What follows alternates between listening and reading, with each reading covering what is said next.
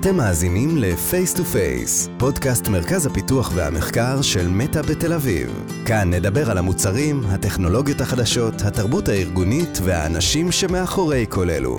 שלום וברוכים השבים ל-Face to Face, היי שגיא. היי טל, והיום אנחנו שמחים לארח את יוסי עדי מקבוצת המחקר של מטא AI. נהוג לחשוב שחברה כמו מטא היא בעיקר חברה שיודעת לעשות execution וסקייל, אבל היום אנחנו נדבר על מחקר באופן כללי, וספציפית על מחקרים שיוסי מוביל, וננסה להבין איך המחקר הזה מתחבר למוצרים שאנחנו בונים. אז בואו נתחיל. היי יוסי, שמחים מאוד שאתה איתנו. אה, כמו תמיד אנחנו מתחילים בזה שקצת תציג את עצמך, מה, מה הרקע שלך ואיך אה, אה, הגעת למטא, וגם שתסביר לנו קצת על הקבוצה שאתה עובד בתוכה. אה, כן, בטח, אה, בשמחה. אז קודם כל, באמת, אה, תודה רבה שהזמנתם אותי. אז כמו שאמרתם, לי קוראים יוסי עדי, אני חוקר במעבדות מחקר של מטה AI Research, כבר משהו כמו כמעט שלוש שנים. באמת לפני שהצטרפתי למטה, אז סיימתי את הדוקטורט שלי במדעי המחשב בבר אילן, וכשבעצם תחום המחקר שלי הוא בכל מה שקשור בלמידת מכונה, Machine Learning, היום מן הסתם יותר עם פוקוס על למידה עמוקה ורשתות נוירונים. כשהפוקוס שלי הוא בעצם יותר על עיבוד של דיבור, אודיו, שפה, שמע, אה, התחומים האלו. אה, אז באמת קצת על, על, על אז ב-Meta AI, כמו שככה באמת דיברנו על זה מקודם, זה באמת גוף יחסית אה, שמכיל הרבה חטיבות או הרבה קבוצות בפנים, אה, וספציפית אני שייך לקבוצת המחקר אה, ב-Meta AI, שמה ש... also known as uh, FAIR, או איך שפעם היינו קוראים לזה בעצם, אה, לפני ה rebranding החדש היינו קוראים לזה אה, Facebook AI Research, אה, זה בעצם קבוצת חוקרים שמה אה, שאנחנו בעצם, אנחנו מעבדת מחקר יותר נכון, שאנחנו לא בעצם קשורים לשום מוצר או לא בוא נגיד עושים מחקר שהוא ספציפי למוצר כזה או אחר של מטא, אלא אנחנו בעצם מנסים לבצע מחקר בסיסי אה, בכל מה שקשור אה, תחת המטריה של AI. אז זה יכול להיות לצורך העניין מחקרים ב speech ואודיו כמו שאני עושה, או קולגות אחרים פה שמתעסקים ב vision או בטקסט, או אפילו מחקרים תיאורטיים. אמ, שפשוט הם, אנחנו מגדירים את זה curiosity driven AI research. זאת אומרת, דברים שאנחנו חושבים שהם מאמינים בהם, שאנחנו חושבים שזה בעצם העתיד של תחום ה-AI, אה, אז זה בעצם ככה קצת על פייר. כמו שאמרתי, המטרה היא בעצם לפתח את ה... בעצם לעצב את המחר בתחום, ה, בתחום ה-AI ולדחוק את הטכנולוגיה ואת מה שאנחנו יכולים לעשות הכי גבוה והכי שאפתני שאפשר. אז אמרת curiosity driven, אתה יכול קצת להסביר מה זה אומר? איך אתם ניגשים או איך אתם בוחרים על מה אתם חוקרים? אז, אה, אז קודם כן, קודם כל שאלה מצוינת. אז באמת אה, בגלל שהאופי של המעבדת מחקר הוא אה, בעצם מהרבה חוקרים מאוד מאוד מוכשרים, לכולם בוא נגיד, או לרוב הגדול יש תארים מתקדמים, דוקטורט, מאסטר לפחות, כאלה שאפילו הם, יש להם dual affiliation עם איזשהו faculty כזה או אחר. זאת אומרת שאנשים שהם חוקרים ומתעניינים במחקר בסיסי בטבע שלהם. אז כשאני אומר בעצם Curiosity Driven AI Research, הכוונה היא שאין לנו איזשהו מוצר בתוך מטא שאנחנו אומרים אוקיי אנחנו צריכים לשפר את האלגוריתם לתרגום או ככה וככה אלא בעצם זה אנשים שמאמינים ב, או שמאוד מסקרן אותם התחום של תרגום לדוגמה או כמו שאותי לצורך העניין מאוד מסקרן אותי התחומים של אודיו ולכן אני מפתח ומנסה לשפר מודלים או לנתח מודלים להבין אותם יותר טוב אה, בכל העולמות של Machine Learning, Deep Learning עם הנגיעה אה, לאודיו, ספיץ', שפה פשוט אני עושה את זה כי זה מה שאני חושב שמעניין, לאו דווקא בגלל שיש איזושהי אה, דרישה ממוצר כזה או אחר, אה, אז זה בעצם בוא נגיד זה קצת מתחבר לגישת הבוטום אפ כזה שיש בפייסבוק ובפייר אני חושב שבאמת ה-AI, סליחה ריסטרט, אז מגישים, באמת מרגישים את זה בצורה הכי, הכי טובה, כי אנחנו באמת, זה לא שיש איזשהו מנהל שאומר צריך לדחוף את המספרים וככה וככה או צריך לשפר את המוצר הזה והזה בגלל שיש איזושהי מטריקה כזאת או אחרת, אלא באמת אנחנו מגיעים במקום הכי אה, סקרני והכי אה, בוא נגיד אה, קצת נאיבי אפילו הרבה פעמים של מה היה קורה אם היינו עושים את זה הפוך, מה היה קורה אם היינו עושים את זה בצורה כזאת או אחרת, מה היה קורה אם היינו ממדלים את זה בצורה שונה, בעצם לקחת מחקרים שהם יותר ריסקים כדי שבשאיפה גם ה-reward יהיה בסוף הרבה יותר גדול. וה... אוקיי, okay, אז, אז אולי הזכרת ככה שאתה מתעסק ב-NLP, תחום שאני מודה, אה, התעסקתי בו כמובן בצורה הרבה יותר חובבנית בעבר, וגם הצוות שהיום אני אה, נמצא בו באמת מתעסק בו בצורה מסוימת, אז מה בעצם המחקר שאתה עושה היום בתחום הזה? אז, אז בעצם אני באמת רק אדייק את זה, כי אני בעצם, אני באמת חוקר שפה, אבל אני חוקר שפה, בוא נגיד הרבה פעמים אנשים היום נוטים לשייך NLP עם שפה כתובה. אה, ואני מתעסק גם הרבה פעמים בשפה המדוברת, זאת אומרת בהקלטות של, ממש הקלטות כמו שאנחנו מדברים עכשיו, פודקאסטים וככה הלאה, לא ממש בתמלול שלהם, אה, וגם באודיו באופן כללי. אז באמת, בהקשר למה שבאמת ציינת, אז באמת בשנה, בוא נגיד שנה וחצי האחרונות, ככה יחד עם קבוצת חוקרים שהיא די אה, סובבת עולם, אה, חלק מפריז, חלק מלונדון, חלק מניו יורק, סיאטל, אה, מנלו פארק. בעצם התגבשנו לסוג של קבוצה שמעניין אותה אותו רעיון, שהגדרנו אותו בתור, קראנו לזה, אנחנו קוראים לזה בעצם Textless NLP, או בוא נגיד Spoken NLP. והכוונה היא בדיוק בעצם נוגע למה שאתה כרגע ציינת, שגיא, ש-NLP לרוב, אנשים שחושבים על עיבוד שפה טבעית, הם חושבים על הטקסט. ומה שאנחנו בעצם טענו זה אמרנו נכון טקסט זה באמת צורה שבה אנחנו יכולים להתבטא ולהעביר ידע ומידע אמ, אבל בפועל הוא הרבה פחות טבעי לנו מדיבור. אה, לדוגמה אנחנו לומדים לדבר ולהבין שפה הרבה לפני שאנחנו לומדים לקרוא ולכתוב. אה, ואז בעצם עלתה השאלה שהיא שאלה שאנחנו דנים בה במדע הרבה זמן אנחנו פשוט הרגשנו שעכשיו זה איזשהו מקום אה, אנחנו נמצאים באיזושהי נקודה אסטרטגית בזמן שיש מספיק כלים שכבר עובדים לא רע ואולי יכולים להביא אותנו לשם אמרנו, האם אנחנו יכולים בעצם ללמד את המחשב אה, שפה ללא טקסט? זאת אומרת, האם אנחנו יכולים להשמיע לו הרבה הקלטות, להציג בפניו הרבה הקלטות, בלי תיוג כלשהו, בלי שום הסבר מה זה מה, ולראות האם אחר כך אנחנו יכולים לנהל איתו שיחה. אה, בוא נגיד, המטרה הגדולה שהצגנו לעצמנו זה, האם אנחנו יכולים לנהל דיאלוג עם המחשב, אבל דיאלוג, בוא נגיד, אה, כמו שאנחנו, בוא נגיד, אנחנו הגדרנו את זה כמו שמנהלים עם ילד או ילדה בין בני 4-5. זאת אומרת, לא, לא משהו יותר מדי, עם סוגיות יותר מדי מורכבות שמערבות ידע עולם, אלא ממש סוג של צ'יט צ'אט כזה. אמ, האם יכולים לעשות את זה בעצם ללא שימוש בטקסט. אמ, ובאמת להפתעתנו זה, התחלנו ככה לפני שנה וחצי לפתח את הכלים, אה, ופתאום ראינו שזה ממש מצליח, אה, אנחנו ממש מצליחים לייצר התקדמות מאוד משמעותית. אז באמת בהתחלה ככה התחלנו פשוט אה, ממש לגרום לו לדבר, ממש לייצר משפטים שהם היו נכונים מבחינה תחבירית, לא הכי בוא נגיד מעניינים מבחינה סמנטית, זאת אומרת לא היה להם משמעות יותר מדי, אבל uh, אתה פתאום רואה שכבר הוא מצליח להרכיב משפטים שנכונים תחבירי, הוא מצליח להגיב לדברים שאנחנו בעצם מקליטים לו, הוא מצליח לייצר איזושהי תשובה שהיא מעניינת, uh, ואולי אפילו יותר חשוב מזה, גם באיזשהו מקום אנחנו מצליחים uh, uh, ממש לשלוט, זאת אומרת היתרון, בוא נגיד, לא, לא אמרתי את זה, אבל היתרון בעצם בשימוש בדיבור והקלטות על פני טקסט, שבעצם טקסט הוא מכיל רק את התוכן של מה שאנחנו אומרים. לדוגמה, הוא מזניח את האינטונציה. לדוגמה הוא מזניח את זהות הדובר, אה, הוא מזניח את אה, אה, רעשי רקע, הוא מזניח, אנחנו קוראים לזה בעצם non-verbal vocalization, לדוגמה הוא מזניח את ה... אם אני צוחק תוך כדי, אם אני בוכה תוך כדי, אם אני מפהק, וזה מס, מסביר הרבה מאוד על הסיטואציה, אולי על תוכן השיחה, אולי על, על המצב שבו כל אחד מהאנשים נמצא, ובעצם עם, אני, עם השיטה שאנחנו פיתחנו, של בעצם למצוא יחידות אחרות שהן לא טקסט, אלא הן כלליות יותר, ולנסות למדל אותן, ראינו שפתאום אנחנו יכולים גם ממש לשלוט באינטונציה, אמ, ואפילו בפרויקט אה, האחרון שעשינו אה, ממש פורסם לא מזמן, אנחנו ממש יכולים לנסות ממש לייצר פתאום צחוק, או בכי, או, אה, או פיהוקים וכך הלאה, לדוגמה כשאנחנו רוצים לעשות emotion conversion, זאת אומרת אנחנו היינו רוצים לקחת הקלטה של מישהו מדבר נניח בצורה ניטרלית, ולייצר את אותו הקלטה של אותה בן אדם, אומר את אותו משפט בצורה שמחה. אז פתאום אנחנו רואים שהמודל מתחיל לייצר צחוק, או פיהוק אם זה היה נניח ל... לא לשמח אלא לסליפי, לעייף. אמ, אז כן, אז, אז אנחנו לאט לאט מתקדמים בזה, וזה נראה מבטיח, ואני מאוד מאמין בטכנולוגיה. יש איזה שימושים אה, פרקטיים שאתה רואה בעתיד, אה, טכנולוגיה כזאת?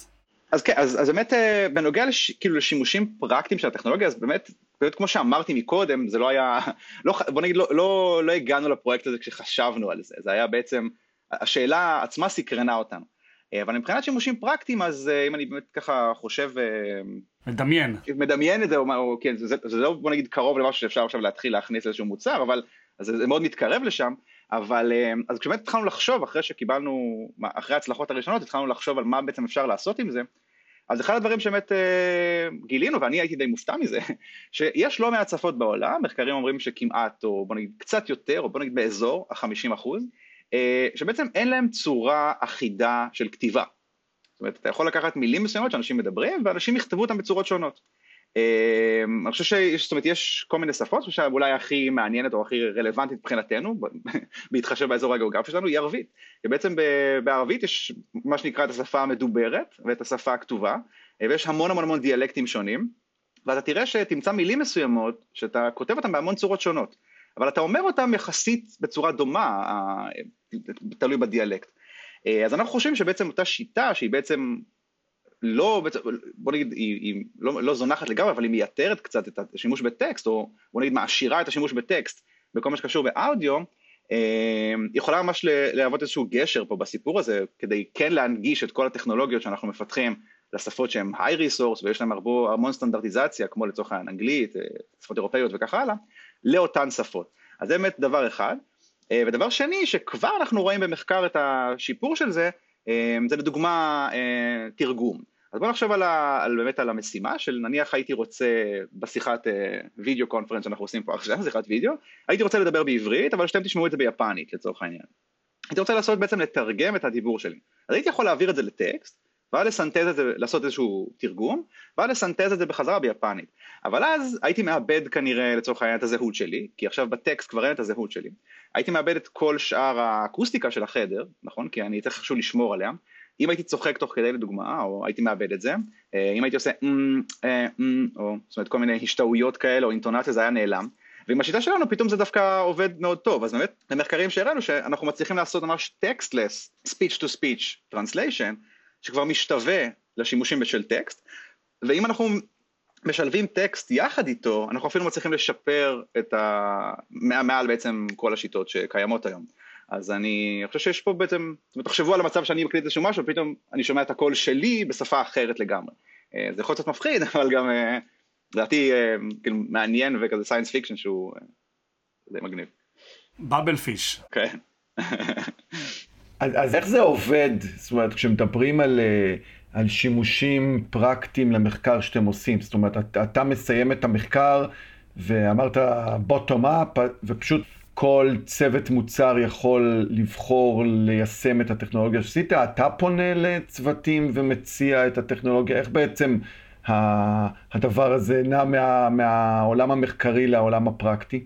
זה דווקא מאוד מעניין לדעתי איך שזה עובד אצלנו פה במטא, כי בעצם מה שקורה, אנחנו מפתחים את המחקר שלנו, של מה שאנחנו חושבים שמעניין ורלוונטי, ואז אנחנו פשוט, בשנייה שאנחנו מרגישים שהמחקר בשל ויש תוצאות אה, טובות ומעניינות, אנחנו בעצם מפיצים את זה החוצה, אז אנחנו מפיצים את זה החוצה, בוא נגיד מחוץ גם למטא, אה, באמצעות מאמרים, פוסטים, אה, קוד פתוח, מודלים אה, והכל, אבל גם בתוך הארגון אנחנו עושים קצת PR למה שאנחנו בעצם עושים, כדי שאנשים ידעו על מה אנחנו עובדים, ואז בעצם מה שקורה זה אנחנו מנסים בעצם להנגיש את זה או להציע את זה לקבוצות שנראה לנו שזה יהיה להם, שהם ימצאו את זה רלוונטי, וגם מצד שני, קבוצות אחרות פונות אלינו כשהן חושבות שהן צריכות משהו כזה, או היו רוצות להיעזר בטכנולוגיה, או אפילו סתם להתייעץ בנוגע לאיך לממש משהו כזה או אחר, או איך לעשות אה, מחקר בצורה כזאת או אחרת, כי הנושא הוא מאוד דומה, אבל לא בדיוק אותו דבר, אבל אפשר ככה אה, לקבל קצת ידע. אז, אה, אז, אז זה בעצם ממש מגיע משני הכיוונים, שזה, שזה די מעניין. אז, אז דוגמה, גם עכשיו עם הטקסטלס, אז עשינו את כל ה...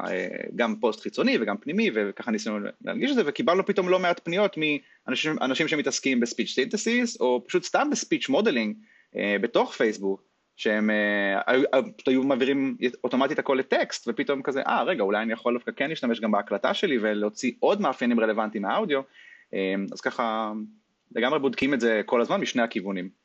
אוקיי, okay, אז אמרת שאתה במטא כבר שלוש פלוס שנים, על איזה עוד מחקרים עבדת בעבר, שאולי הם בשלבים כבר יותר מתקדמים מבחינת, כן, productization? אז באמת. בתחילת הדרך שהצטרפתי, אז כמו שאמרתי, הדוקטורט שלי באמת היה בכל מה שקשור ל speech, אודיו ושפה עם שילוב עם, עם, עם למידה, Machine Learning, ובאמת כשהגעתי אז ככה חיפשתי את מה, מה נראה לי מעניין, מה אני חושב שיהיה מעניין וגם מה אולי יהיה רלוונטי לאנשים בתוך הארגון, כדי שאני אוכל קצת לעזור. ובאמת, אה, אז, אז התחלתי לעבוד יחד באמת עם, עם, עם ליאור וולף ועם אה, אליה נחמני, התחלנו לעבוד בעצם על סינון רעשים ועל, ועל הפרדת דוברים, ובאמת הפרויקטים הראשונים היו באמת על הפרדת דוברים, ואז הכוונה בעצם בהינתן ערוץ יחיד של הקלטה, שיש שם כמה דוברים שמדברים, אפשר שהם גם ידברו אחד על השני ממש באותו זמן, בעצם לייצר הקלטה בודדת לכל דובר בנפרד, כדי שנוכל אה, לשמוע כל דובר מבודד משאר הדוברים האחרים. אה, וזה באמת עבד מעולה וזה עבד מאוד טוב, אז ככה גם פרסמנו את זה וגם קצת עשינו, אה, אה, שחררנו את הקוד פתוח ומודלים והכל, ואז באמת ראינו שהחבר'ה מה-ARVR מאוד מתעניינים בטכנולוגיות האלו, באמת לפיתוח של, אנחנו כרגע בודקים כל מיני שימושים, אבל חלק מהשימושים שאפשר לחשוב עליהם זה באמת היכולת ממש למקם או לייצר תמונה מרחבית של אודיו, זאת אומרת אני יכול, בשנייה שיש לי ערוץ יחיד ויש לי כמה דוברים, עכשיו אני מפריד אותם, אני יכול למקם אותם במיקומים שונים במרחב, כמו שאני עושה לצורך העניין לתמונה, אני יכול גם לעשות לאודיו. דברים נוספים שבדקנו זה בעצם האם אני יכול לפתח סוג של שמיעה על אנושית, זאת אומרת עכשיו כמה אנשים מדברים בו זמנית, האם אני יכול להחליט למי אני רוצה להקשיב, האם אני יכול לתמלל את כולם בו זמנית, האם אני יכול uh, להסיק מסקנות מכל ה... מסצנה מאוד מאוד מורכבת, אז זה באמת בשלבים שאנחנו מנסים להבין איך, מה השימוש שיהיה הכי נכון, מן הסתם יש פה עוד כל מיני אילוצים וזה אולי באמת, זה אולי באמת הפער הכי, הכי אולי מעניין בין research ל production, ב research אנחנו לא, בוא נגיד אילוצי ה product לא מעניינים אותנו, מעניין אותנו אה, לעשות משהו שהוא יהיה, אה, יפרוץ, יהיה טכנולוגי פורץ דרך ויראה לנו שאפשר לעשות מבחינת ביצועים משהו שהוא אה, לא היה אפשר עד עכשיו, אבל ל product יש את האילוצים שלו, לדוגמה גודל, runtime, כמה, אה, כמה משאבים הוא צורך וכך הלאה, אז עכשיו אנחנו בעצם בשלבים שמנסים אה, למצוא את ה, את ה, איך אנחנו משפרים את המחקר שלנו כדי שיתאים ל product וכך הלאה, אה, אבל דוגמה אחרת שבאמת זה התחיל ממש, ממש עם הקורונה, עם, עם זה היה מרץ 2020, מה בוא נגיד אזור שאנחנו נכנסנו לסגרים, אז פתאום היה צורך מאוד מאוד גדול, כולם משתמשים בשיחות וידאו, והיה צורך מאוד מאוד גדול לסנן רעשים, או להנמיך אותם. זאת אומרת, אה, כולנו מדברים על זום, או כל אפליקציית video conferencing אחרת, ופתאום, לא יודע, הכלב נובח, הילדים צועקים, סתם רעשים של משפחה, או לא יודע, רעשי חוץ, משאיות וכך הלאה, ופתאום היינו רוצים כן שתהיה את האופציה לסנן אותם. אה, אז הפרדת הדוברים היה מאוד מאוד קשור גם אה, לנושא של סינון רעשים, אז ככה עשינו shift ופה עבדתי גם עם צוות מגבריאל סינה ועם אלכסנדר דה פרוסטה מפריז, ובעצם ניסינו להפוך את המודל שלנו, מודל קצת וריאציה שלו, אה, להיות באמת real time, להיות on device, לסנן רעשים בצורה מאוד מאוד מאוד מאוד גבוהה, ולשמחתנו זה עבד ממש מעולה. אה, ואז באמת גם אה, תפסו את זה בתוך, אחרי שעשינו איזה PR, פתאום אנשים אה, שמעו על זה בתוך הארגון, אמרו, אה, אוקיי, בואנה, זה מעניין, למה שלא נשתמש בזה? בדקו את זה, וזה כבר, נכנסנו את וואטסאפ ומסנג'ר ו Workplace ופורטל, אז ככה לאט לאט זה נכנס לי יותר ויותר, כל, כל קבוצת מוצר עם הזמן שלה ועם הטסטים שהיא צריכה לעשות, אבל זה, לנו לפחות זה היה ממש מגניב, שפתאום אתה עושה מחקר והוא ממש מצליח להיכנס ולהשפיע. אז אמרת שה... קבוצת מחקר היא, היא גדולה וכוללת אה, לא רק את ה site בישראל, אה, משהו גלובלי, אז איזה דוגמאות אתה יכול אה, לתת שאנשים מכירים על, אה, על דברים שהתחילו באמת בתור מחקר והיום הם חלק אה, אינטגרלי מה, מהמוצרים שאולי אנשים משתמשים בהם וחווים? קודם כל אני חושב שכמעט וכל מה שקשור בעיבוד תמונה, וגם תמיד עיבוד סאונד ועיבוד שפה, בסופו של דבר בצורה כזאת או אחרת התחיל אה, באמת ה-AI Research.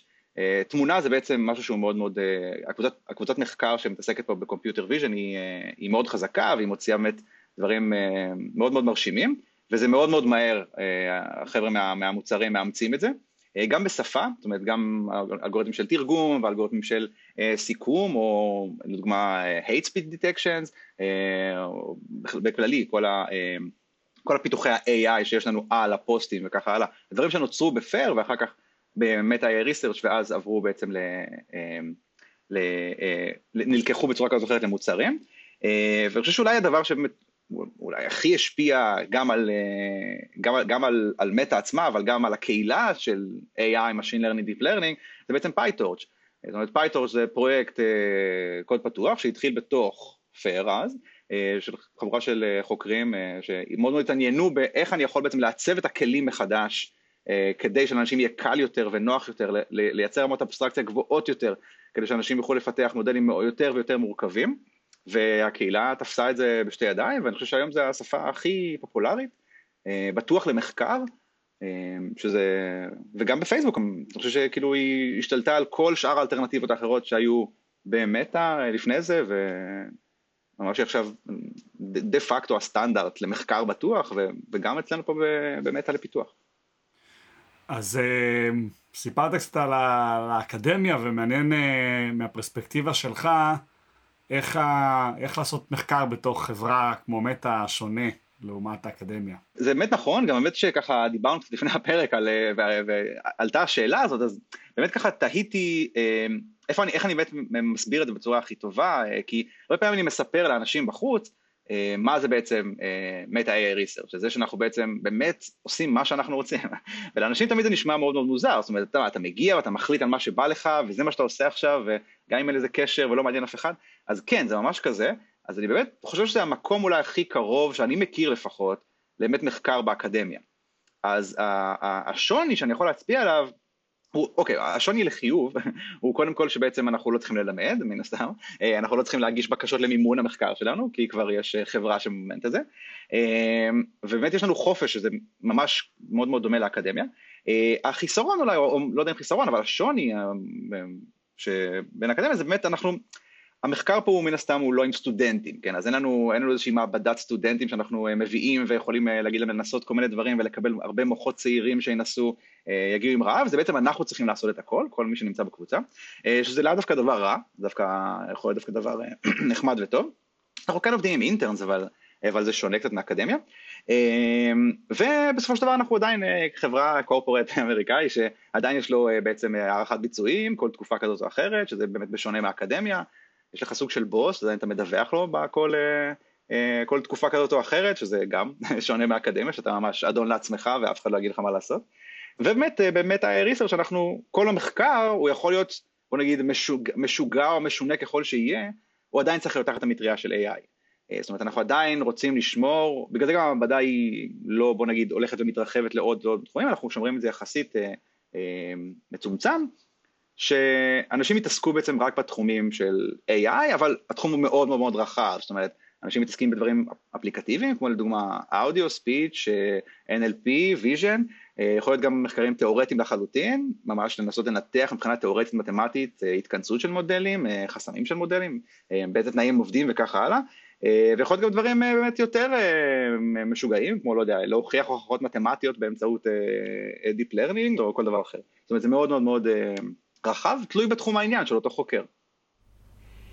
אז ציינת שלאנשים אה, בצוות יש תארים מתקדמים ו- וכולי, מי, מי, מי חבר צוות אה, אידיאלי? זאת אומרת, אם אנשים מקשיבים עכשיו ואומרים בואנה זה נשמע לי כמו משהו שאני רוצה לעשות, מה, מה בעצם אנחנו מחפשים, ואולי גם אה, אתה יודע אם, אם, אנחנו, אם מגייסים אה, לקבוצה. בגדול אני אגיד את זה ככה, אנחנו כל הזמן מחפשים אנשים טובים. אז אה, אם יש מועמדים שהם באמת נראים אה, טובים ומבטיחים, מועמדים מועמדות שנראים טובים ומבטיחים, אז בוודאי שאנחנו תמיד פתוחים לזה.